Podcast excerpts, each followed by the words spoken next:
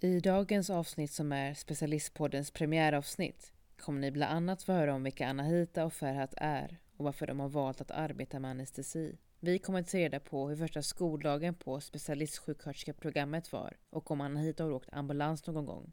Och hur funkar det egentligen när vi får larm? I myt vs sanning kommer vi att diskutera om vad en ambulansförare är för något. Finns det ens? Eller är det ett påhitt? Känsliga lyssnare varnas på grund av stor dos av sarkasm. Du lyssnar på Specialistpodden med Anhita Amirpour och Ferhat Faisal.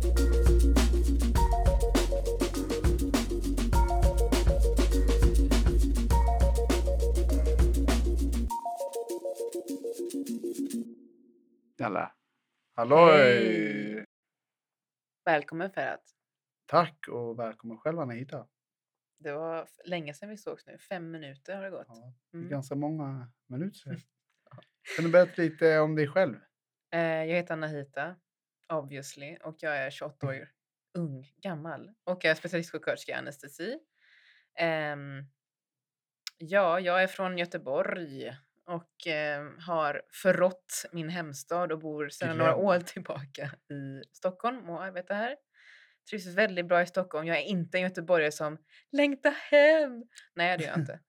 Ehm, ja, jag är din kollega och Mhm. eh, vi har tidigare varit eh, kurskamrater eh, förra året när vi läste tillsammans eh, i skolan till specialistsjuksköterska i anestesi.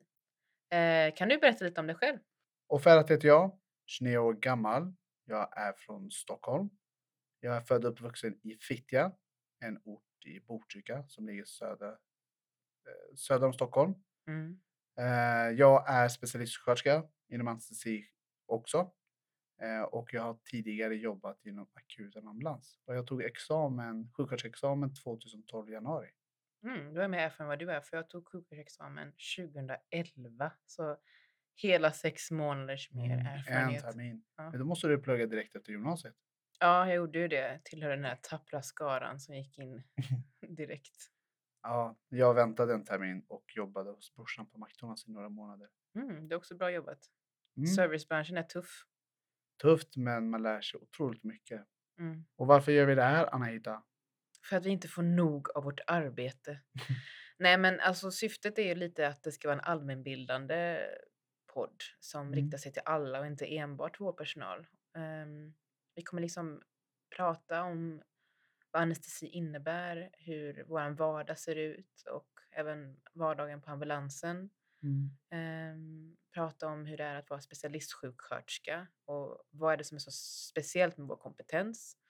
Eh, vi kommer ta upp lite patientfall i vissa avsnitt. ehm, prata om olika fördomar eller föreställningar människor har om, eh, om vården. Eh, myter och Precis. sanning eh, kallar vi den biten. Mm. Ja, ungefär så tror jag. Ja, det, är, det låter ju bra. Mm. Precis, vi tycker att det låter bra. Får vi se vad ni tycker sen. Exakt. det är nu ni stänger av.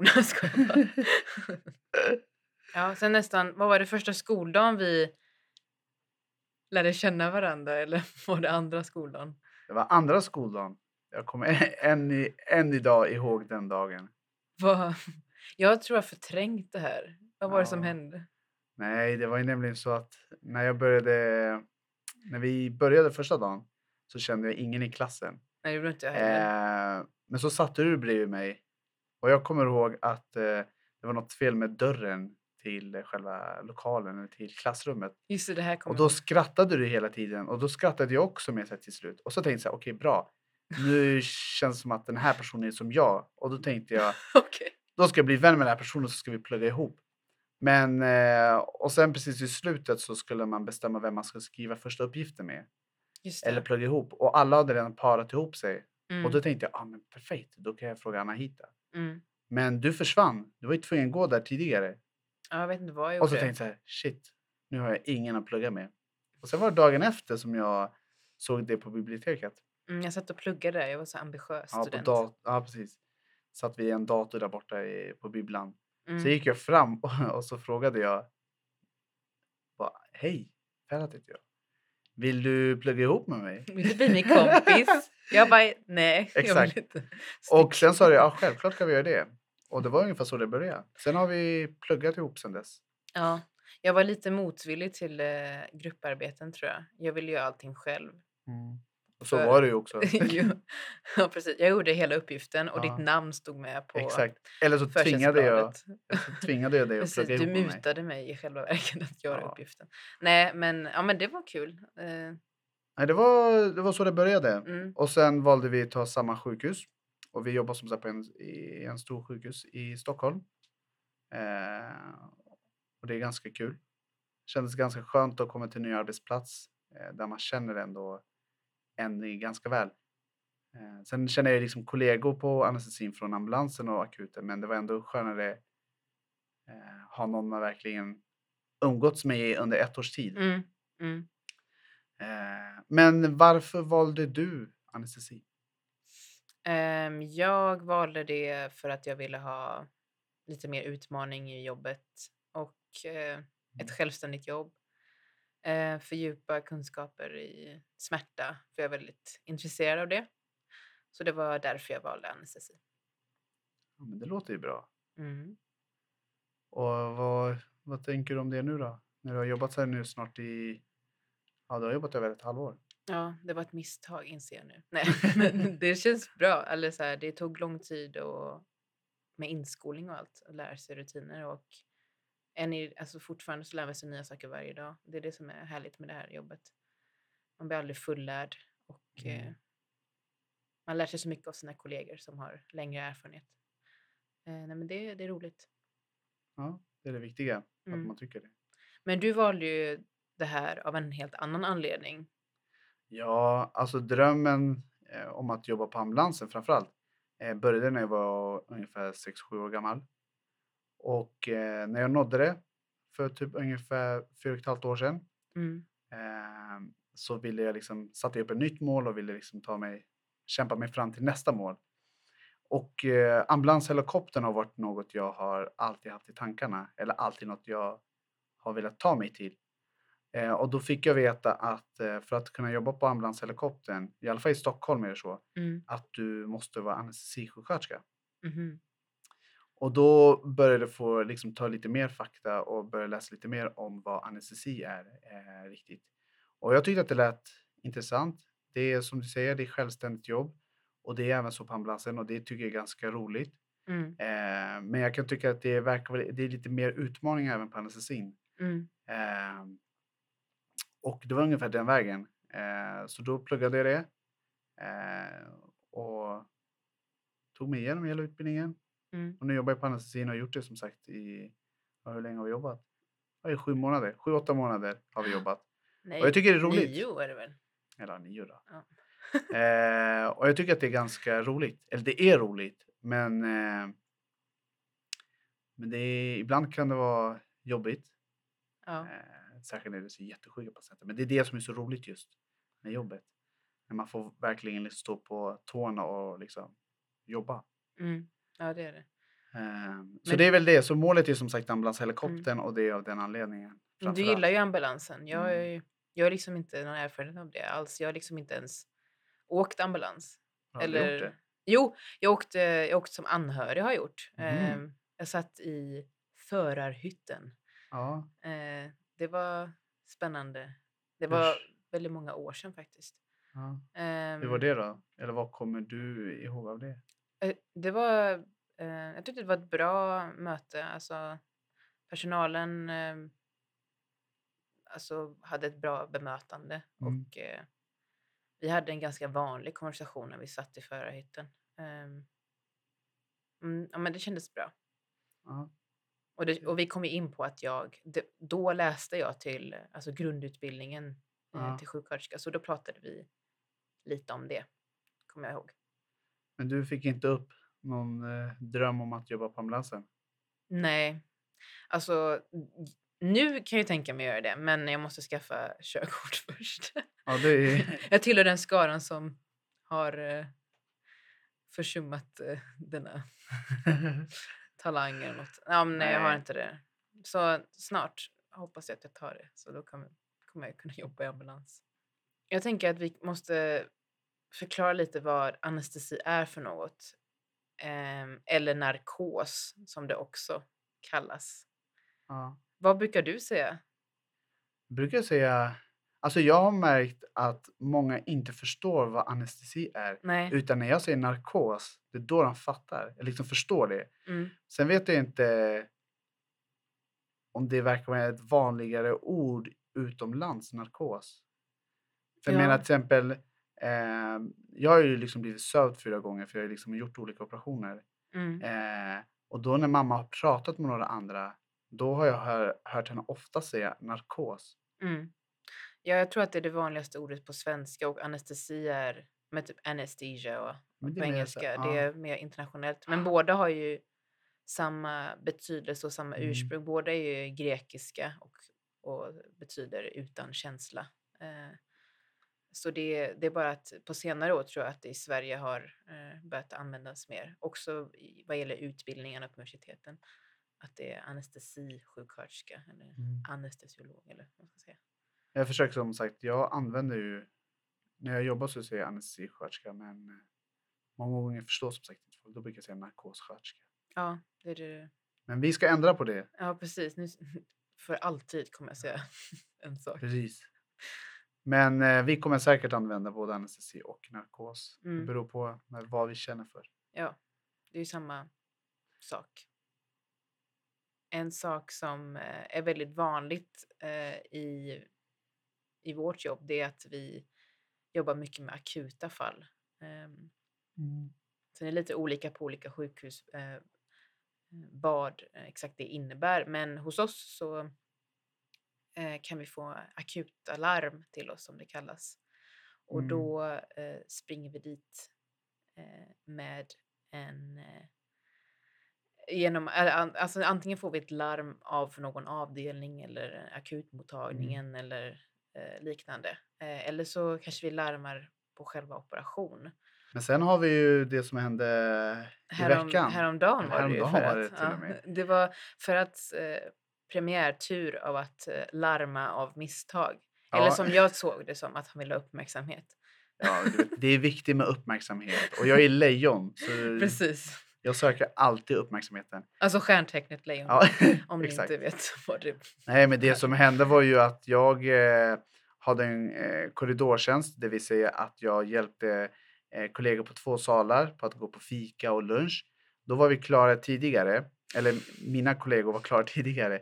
Så då fick jag ta en annan sal och vara korre för. Och då gick jag dit för att se hur läget ser ut och hur de har det om, om personen vill ha fika eller inte. Och då, och det här var en ortopedsal, sal 55. Ortopedi är alltså eh, läran om olika frakturer och ben i kroppen kan man säga. Ja. Precis. Så i Mm. det här fallet var det en som skulle få eh, knäplastik. Mm. Eh, och, då, och då har vi en telefon som är utanför, det vill säga i förberedelserummet, Mm. utanför operationsrummet. Och sen finns det en telefon som en förbindelse mellan den här telefonen in till operationsrummet. Mm. Eh, för att vi, jag ska kunna ha kontakt med anestesisjuksköterskan på andra sidan. För tanken är att när man opererar in implantat så vill man inte att det ska springa in hur som helst och man vill inte ha liksom, öppna dörrar för infektionsrisken och bakterier. Mm. Precis. Eh, och då tar jag den här telefonen eh, och ovanför telefonen så har vi en larmknapp eh, som man klickar på när det är något allvarligt händer in, in i det förberedelserummet. Du behöver hjälp direkt. Exakt, Ja. då bokstavligt talat, då kommer alla anestesiläkare springandes och när man klickar på den knappen. Så det jag gjorde var att jag tog telefonen eh, och bara pratade i telefon med kollegan på andra sidan och frågade lite hur det går. Och så helt plötsligt kommer Anahita tillsammans med andra läkare upp och jag såg inte först de andra. Så jag såg bara Anahita och läkare och då kommer läkaren springandes bara så här titt, alltså springer in och tittar liksom in i operationsrummet eh, via fönstret för att se vad som händer. Och jag frågar vad, är, vad, vad har hänt? Mm. Och då säger han, ni har larmat. Och jag bara, vart då? Och då tittar han på sin sökare och säger att det står förberedelse. Och då säger jag, ja men vi står ju i förberedelse. Ja, du stod ju där själv. och när jag tittar bak så ser jag 20-tals läkare. Alla står och tittar på mig Mm. och märker att knappen är intryckt. Vilket enligt dem, eller det de tror är att jag ska ha av, mm, ja, råkat tryckt på knappen. Men det var inte det som hände egentligen. Det var mer att knappen var trasig, vilket gjorde att när jag tog telefonen så skapades en vibration i väggen. Av någon anledning så den här äh, skyddshylsan, eller vad man ska Ja, kalla det för. Ja. hade liksom hamnat emellan så det hade typ hamnat i sensorn eller någonting och då satte det igång larmet. Mm. Och då stod du där och skämdes, Mm. såg jag. Jag kommer ihåg, det, det enda jag kommer ihåg någon sa var du behöver köpa en tårta för det här. Ja, just det. Och det tänkte jag att jag inte ska göra. Jag fort, vi har inte fortfarande inte fått någon. Ja, det får du om två månader. Okej, ja, vad snällt. Det var någonting att se fram emot. Ja. Nej, men det var ju ganska roligt, men det var ganska jobbigt också. Nu går ju liksom kollegorna varje dag och eh, skämtar om det här hela tiden. Mm, Om att ja, jag är ny och sitter och larmar för ingenting. Liksom. precis. Du vill ha hjälp, jag har tappat någonting på golvet. Kom och hjälp mig. Ja, exakt. Jag har inte varit med om eh, det ännu. Jag är ganska rädd ibland att jag ska backa med ryggen i, på operationssalen och in i den här knappen och sen skapa en situation och sen skämmas över detta. Men eh, tack och lov har det inte hänt ännu. Men de här knapparna har ju som sagt Ja. en skydd, så det går ju inte att trycka på knappen förrän du liksom Ja, en böjer del upp har det den. tror jag. Men Ja, jag tror alla har det. Jag tror inte alla Är det så? Ja, inte Då på salarna tror Ja. jag. Ja. Just den som jag råkade få igång var, hade det i alla fall. Men det Ja. var... Men lyckades ändå Ja. påkalla Magic uppmärksamhet. fingers. Ja, Det är så här, exakt. magi. Du vet väl att jag kan trolleri? ja, just det. Det kan du. Mm. Analyserar hjärtrytmen. Rör inte patienten. Nu ska vi byta ämne. Eh, vi har kommit till dagens myt och sanning. Och eh, vi ska egentligen ta reda på om det finns något som kallas för ambulansförare. Det vill säga en person som enbart är chaufför i ambulansen. Hur ser det ut i Sverige? För att, eh, hur är ambulansen bemannad? I, nu pratar jag om i Stockholm eftersom att det är här jag jobbar. Eh, där har vi alltid en specialistsjuksköterska som ska vara bemannad i en ambulans. Och den här specialistsjuksköterskan eh, ska ha någon eh, specialist inom något område som eh, ambulans, anestesi, eh, barn, distrikt. Vadå, säga- kan barnmorskor också köra ambulans? Ja, det kan de också göra. Då blir de specialistsjuksköterskor. Mm. Även de som har bara jobbat med barn och aldrig jobbat med vuxna kan få eh, det tjänsten. Och en specialist jobbar alltid ihop med en sjukvårdare och en sjukvårdare, det kan vara en grundutbildad sjuksköterska Mm. eh, som har jobbat eh, minst eh, ett, ett halvår inom akutsjukvård. Mm. Eller en undersköterska som har gått en ambulanssjukvårdsutbildning som är på ungefär ett år. Det är så besättningen ser ut i Sverige. Hur ser det ut internationellt då? Ja, och där är det lite annorlunda. Jag, får, jag har ju fått en del frågningar just om det här med ambulansförare. Eller som ni rättare sagt har säkert hört på, eh, på nyheter, tidningarna där de alltid skriver ambulansförare. Mm. Eh, men det har vi som sagt inte i Sverige. Utan eh, jobbar vi ihop till exempel, du är specialist och jag är specialist. Mm. Men om jag vårdar och du kör, då blir du en förare. Men det finns ingen yrkestitel som heter ambulansförare. Nej. Eh, och det här har jag försökt ta reda på internationellt för att se om det verkligen finns några ambulansförare. Eh, och då har jag tagit kontakt med vissa på mitt Instagram som har jobbat, eh, som jobbar runt, ja, jobbar på olika länder. Jobbar i olika länder. Mm. Eh, och då har jag fått fram att eh, i Italien, eh, där har man en förare som går på en utbildning så kallad eh, BLS som står för Basic Life Support och det är några veckors utbildning. Eh, även i Tyskland, där går ambulansförare på någon utbildning, kort utbildning. Och även där får också sådana första hjälpen-utbildning. Mm. Och även i USA, men det är bara vissa delstater. Mm. Och där har det visat sig att det är oftast de områdena eller delstaten där det är brist på personal. Mm. Eh, då tar de in en, eh, en som blir förare. Då, då. Okej. Eh, och dens uppgift är i stort sett bara liksom assistera och hjälpa till. Men aldrig vårda en patient. Alltså rent spontant känns det som att det, det, är, det, det är nästan bäst att man har eh, utbildad personal som jobbar i ambulansen än bara någon som är förare för då då kan man ju som du säger turas om. Eh, Mm. eller tror du att, en, att vi skulle borde införa en chaufförs... ehm, alltså bara en chaufför i ambulansen? Jag tycker inte det. För jag tycker att liksom. eh, om det blir så att vi blir då tre personer i, en ambulans, som Mm. det är till exempel i Italien, där är alltid en eh, läkare och en sjuksköterska tillsammans med en eh, förare.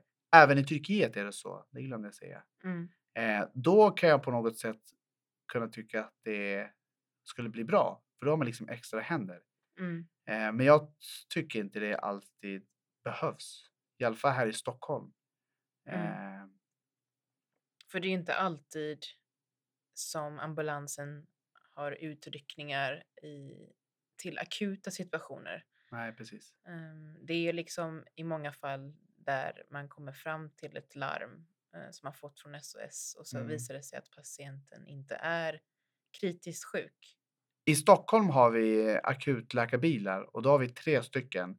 Eh, där vi har en i, på söder och en eh, på norra sidan. Mhm. Eh, och de är ju eh, bemannade med då en speci- specialistläkare inom akutsjukvård samt en specialistsjuksköterska inom anestesi. Mm. Det vill säga sådana som vi. Som vi, ja. Eh, och sen har vi en i mitt då i centrala Stockholm och där är det en eh, specialistläkare inom anestesi och en specialistsjuksköterska inom akutsjukvård, alltså i ambulanssjukvård. Och akutläkarbilen åker ju enbart på eh, akuta, alltså livshotande situationer. Det vill säga till exempel Brand, brand, ja, hjärtstillestånd. eh, Eh, luftverksstopp, det vill säga när man sätter i halsen. just det. Mm. Så det är lite mer akut, akut på akutläkarbilen. Exakt. Mm. Det är så vi har i Sverige. Mm. Och akutläkarbil finns väl inte i alla län? Det kan jag inte svara på. Jag tror inte att det är. Nej, det Mm. tror jag inte.